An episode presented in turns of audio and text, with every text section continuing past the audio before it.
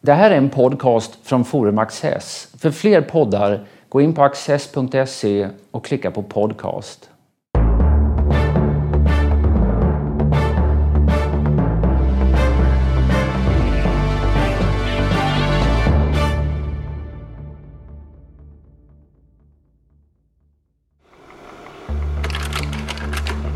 Thomas Jefferson var en ledande gestalt i den amerikanska självständighetsrörelsen och blev USAs tredje president. Till skillnad från sin närmaste företrädare John Adams ville han att centralmakten i federationen skulle vara minimalistisk. Den frihet som Jefferson åstundade var individens frihet. USA borde sträva efter att vara den individuella frihetens imperium. Inspiration till sina ideal fann Jefferson i böcker framförallt hos greker och romare lästa på originalspråk. Formulerade idealen gjorde han i statspapper och brev, mest ryktbart i Declaration of Independence. Per T Olsson, politisk krönikör och tidigare politisk chefredaktör i Sydsvenska Dagbladet, samtalar med Peter Luttersson. När president Kennedy eh, 1962 hade 49 nobelpristagare på besök i Vita huset så sa han att ehm, så här mycket intelligens har inte varit samlat här sedan Jeff Thomas Jefferson åt middag för sig själv.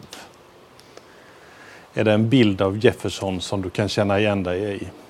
Ja, eh, absolut. Ehm, jag tror att alla som känner till någonting om Thomas Jefferson oavsett hur de sen värderar honom eh, ideologiskt och politiskt och sådär men inser ju att detta var en, en osedvanligt mångfacetterad begåvning, eh, rikt utrustad intellektuellt, eh, förmodligen den rikast utrustade i det avseendet amerikanska presidenten någonsin.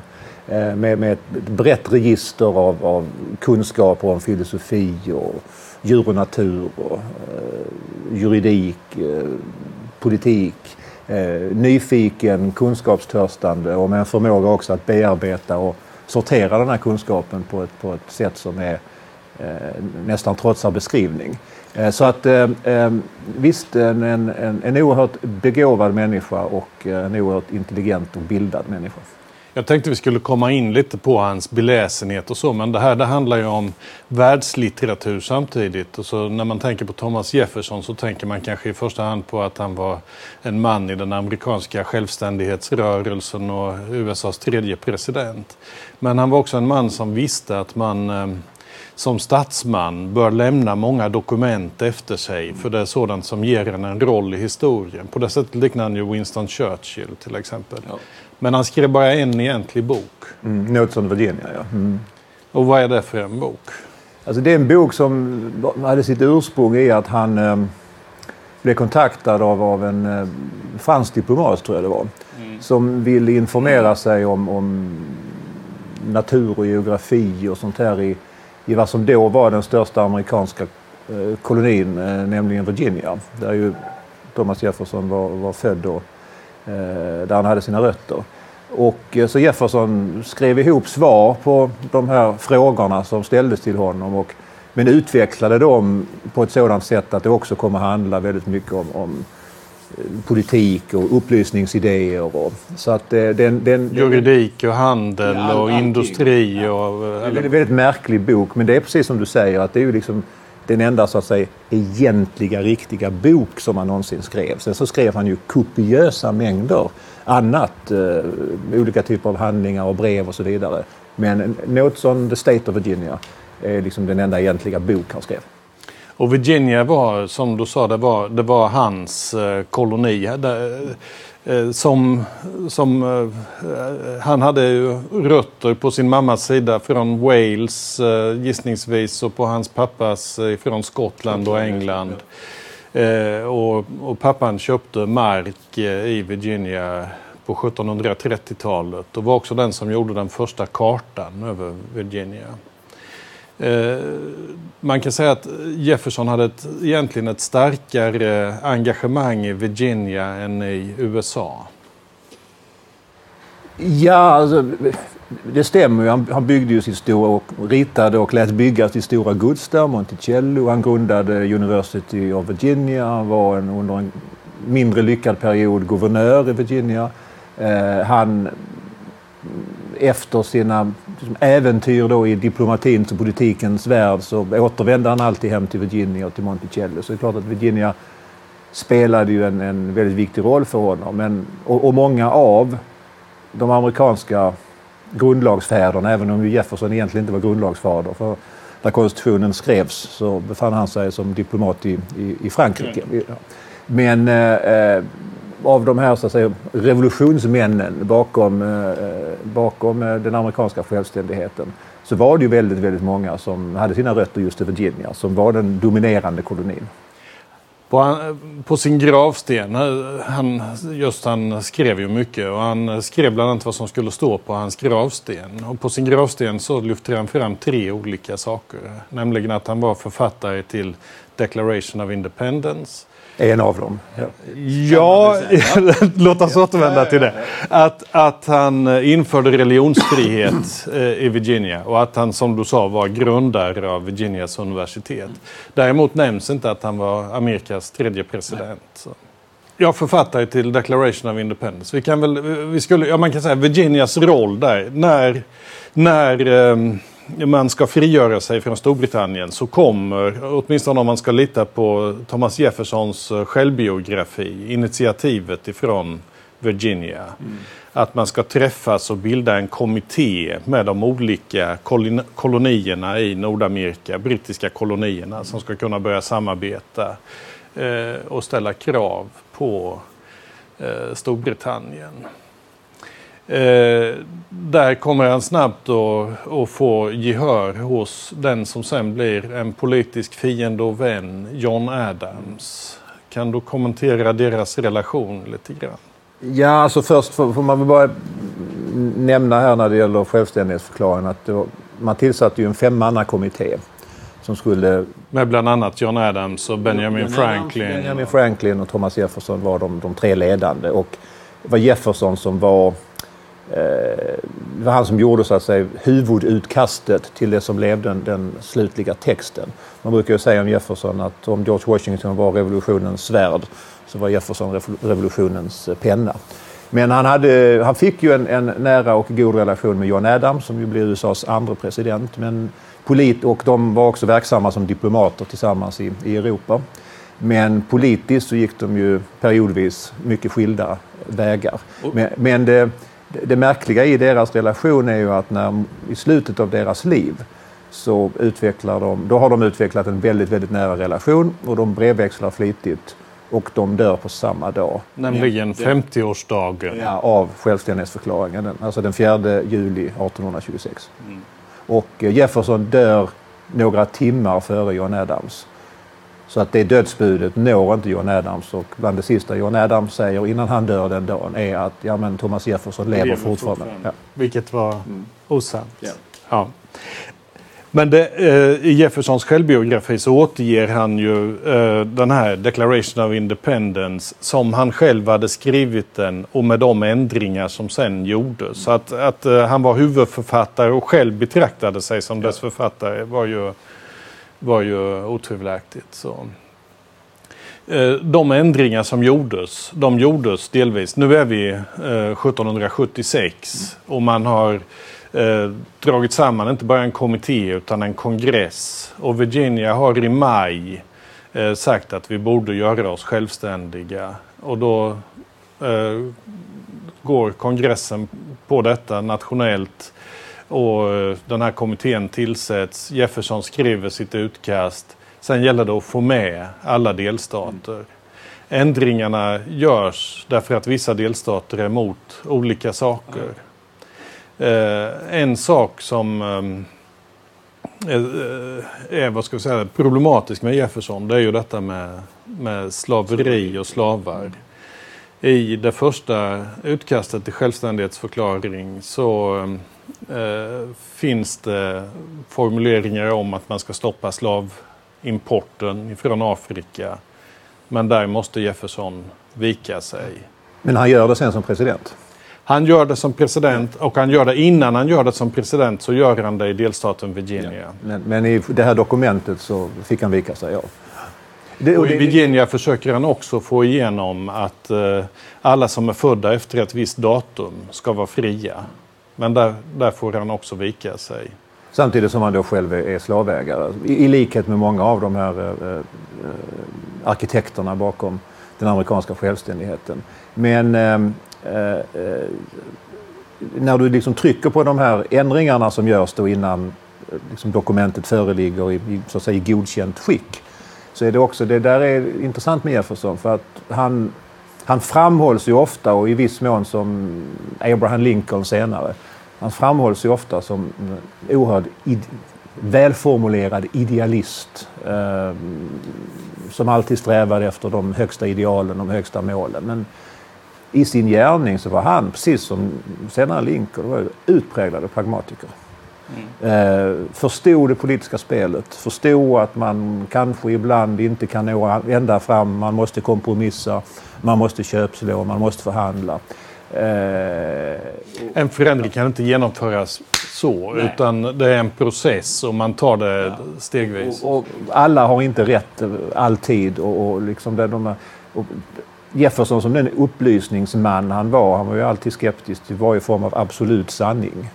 Och det är klart att har du den grundhållningen i din politiska gärning så då blir du också ganska pragmatisk. Sedan när det gäller självständighetsförklaringen så, så är då slaveriet och, som man då kan det, det problemet kan man då spåra där och det kan du sedan också spåra i konstitutionen som då skrivs i Philadelphia 1787. Att det här var ju liksom eh, någon slags eh, det katastrofala urarv som Amerika då bär med sig in i framtiden. Att man inte lyckades lösa detta samtidigt som man ville bilda den här fria republiken. Va? Det är ju väldigt motsägelsefullt. Empire också, of Liberty ja. skriver ju ja. Jefferson. Men det finns också en annan spänning i självständighetsdeklarationen som är ett fantastiskt dokument och extremt välskrivet om man får använda det uttrycket. Eh, och det är ju spänningen mellan eh, begreppet frihet, liberty, och eh, eh, begreppet jämlikhet. Equality, equal. Och den här spänningen mellan frihet och jämlikhet, det, är ju, det har ju präglat USA men vi ser, vi ser det ju fortfarande i, i det politiska livet i väldigt många demokratier. Att, vad är det, var, var lägger vi balansen? Eh, är det den individuella friheten som kanske ibland går ut över andra människor på ett sådant sätt att, eh, att det påverkar, att, att det blir ojämlikt? Eh, var, var lägger vi den här balansen mellan den individuella friheten och den jämlikhet som vi ändå måste utgå ifrån om vi ska ha ett, ett, ett, fritt och öppet samhälle. Så den spänningen finns i den här texten. Det finns i den texten. Sen finns det ju en annan spänning, nämligen den mellan eh, Declaration of Independence och konstitutionen. Där man kan säga att John Adams lutar sig mot konstitutionen och Thomas Jefferson mot Declaration of Independence. Ja, det, det, är de här två, alltså den centralistiska mm. strömningen som företräds av Adams och den eh, decentralistiska och som betonar friheten som en individuell frihet. I första, först och främst för individen men sen också då på nästa nivå för delstaten mm. gentemot, gentemot centrum. Eh, som företräds av Jefferson. Eh, John Adams ville till exempel tituleras His Majesty the President, vilket man inte gick med på. Det skulle varit mycket främmande för Jefferson. Alltså Adams är ju deras stora äh, bråket mellan dem, äh, om man får använda det uttrycket, som ju, som ju un, under en period var liksom en väldigt mörk faktor i deras relation. Det var ju att Adams som president då i slutet på 1700-talet driver igenom ytterligt repressiva lagar, Alien and Sedition Acts, som alltså, deportation av utlänningar och, och, och, ganska drakoniska förbud mot att kritisera myndigheter och kritisera regeringen, kritisera presidenten. Eh, och Jefferson var ju liksom, hans, hans demokratiska instinkt var så att säga, i, i och med den så var han ju bestämt emot det här och han, han, han bekämpade ju detta och intrigerade mot detta. Eh, och där, där är också en, eh, en sån här eh, omständighet som vi sen ser hur den fortsätter genom den amerikanska historien. Det är alltså att å ena sidan eh, Eh, eh, de frihetsvärdena. Å andra sidan i kritiska lägen en, ibland en tendens att bli repressiva. Men vi, Vi såg det under den så kallade röda skräcken vid tiden för första världskriget. Vi såg det under McCarthy-eran. Vi såg det efter eh, 11 september genom den här så kallade Patriot-lagstiftningen. Alltså det finns den här spänningen återigen mellan de här höga frihetsvärdena och en, en, den här amerikanska tendensen att när, när saker och ting... När man uppfattar frihetsvärdena som hotade? Ja, då är man beredd att faktiskt ibland till och med åsidosätta friheten. Mm. Och det är också en sån här spänning som du hittar då redan hos Jefferson och Adams när Jefferson blir president. Han 1800. Eh, eh, det, eh, det blir, han, det blir tillträder 1801. 1801 han ja. tillträder. Men det är dött lopp i själva valet. Ja, ja, Eh, men han, eh, han eh, blir då utsedd av, av parlamentet att bli, att bli president så genomför han ett antal reformer. Det är till exempel det här förbudet mot import av slavar från Afrika. Men det är också lättnader av eh, immigration eftersom Jefferson menar att personer, individer, ska vara fria och röra sig över gränser. Mm. Det Eh, till exempel eh, att man försöker motarbeta användningen av dödsstraff så mycket som möjligt och att man försvagar straffsatser för olika brott. Vad han också gör det är att göra sig av med halva administrationen och en tredjedel av statsskulden. Och sen inte minst utvidgar han ju USA på ett alldeles otroligt Louisiana Purchase, ja, som är en, alltså det en enorm sak som liksom i ett svep gör USA till en kontinental stormakt om man får använda det uttrycket. Va? Eh, och det där är ju... Ehm, och han, han, fick ju hård kritik för det här att han egentligen inte hade de konstitutionella befogenheterna att genomföra en sån stor affär och liksom transformera eh, USA på det viset. Eh, men han gjorde det ändå. Ska du berätta om dess storlek? För att man tänker sig då att han förvärvar Louisiana. Så ser man Louisiana på kartan idag så tycker man det är inte så stort. Nej, men... Men, men hela den här affären, som, alltså det, man, man köpte ju det området från, från Frankrike. Va? det, den sträckte sig ju långt norrut och det här handlade ju också om att säkra eh, handelsvägar, framförallt Mississippi. Och det här är ju då, där blir ju också Jefferson spännande för hans, det här intresset som han har ända sedan han var mycket ung för liksom allt som har med natur och geografi och, som, och sådant att göra. Eh, och det är han, han skickar iväg Lewis and Clark-expeditionen för att utforska, för att utforska de okända delarna av, av Nordamerika. Eh, han, liksom, han, han inser det här med, med, betydelsen av territoriell expansion. Och han är, alltså, han är nyfiken. Vad finns där på andra sidan Mississippi? Och, och hur, kan, hur kan de här, eh, den här floden och hur kan de här eh, rent geografiska möjligheterna som öppnar sig användas i framtiden? Och han inser att det, här finns enorma möjligheter för, för USA. Samtidigt som han då är den här expansive presidenten rent geografiskt, territoriellt, så är han ju då också en minimalist när det gäller den federala regeringen. Och där har du igen, eh, det är ju ständigt dessa motsättningar med Jefferson, att han är i många avseenden för sin tid var utomordentligt radikal.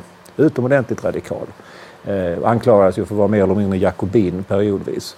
Men samtidigt... Och var ju i Frankrike just den perioden, alltså Precis. alltså 1785 till 1789 Precis. och fick eh, kontakter i revolutionära... Lafayette eh, blev ju framförallt en eh, nära relation. Visst, men samtidigt så denna då är för sin tid ganska och ofta mycket radikala statsman är ju idag också då en, en, en ikon för den amerikanska högern. Och det beror ju på att han var, hade den här minimalistiska inställningen till den federala statsmakten. Den skulle vara så liten som möjligt. Därav hans, hans ständiga konflikt med Alexander Hamilton, eh, finansministern, som eh, ville ha en stark centralmakt. Och som hade kunnat bli president om det inte var så att han hade råkat vara född utanför kolonierna och därför inte var valbar. Nej, och då blev det Adams istället. Och som sedan dog i en duell. Ja. Just det. Ja. men, men vad jag skulle säga, det, eh, bara för att förtydliga omfattningen av det där. Det som var Louisiana-territoriet som köptes, det, det omfattar idag 14 delstater ja. i USA. Och sen köpte han ju också av Spanien, Florida, så att det var stora, eh, stora förvärv. Men jag tänkte vi skulle komma in på honom lite som, mer som bildad, som vi sa innan. Att eh, Thomas Jefferson, när han, eh, gick i skolan så hade han en eh, skotsk lärare en, eh, som eh, egentligen var en matematiker men som tyckte att Thomas Jefferson skulle koncentrera sig mycket på etik och vitterhet och retorik och sådana saker. Och denne, denne lärare presenterade honom för en, eh, en god vän som var jurist. Jefferson utbildade ju sig mm. sedan till, till jurist. Men han lärde sig redan i skolan eh, klassiska språk, eh, grekiska, latin, också moderna språk, franska och blev en, eh, blev en mycket beläst man. Det, Ja, alltså det finns ju en, en, en, underbar replikväxling mellan honom och då Alexander Hamilton. Eh, den här starke finansministern som ville ha... Som hittade på dollarn? Ja, bland annat. Ja.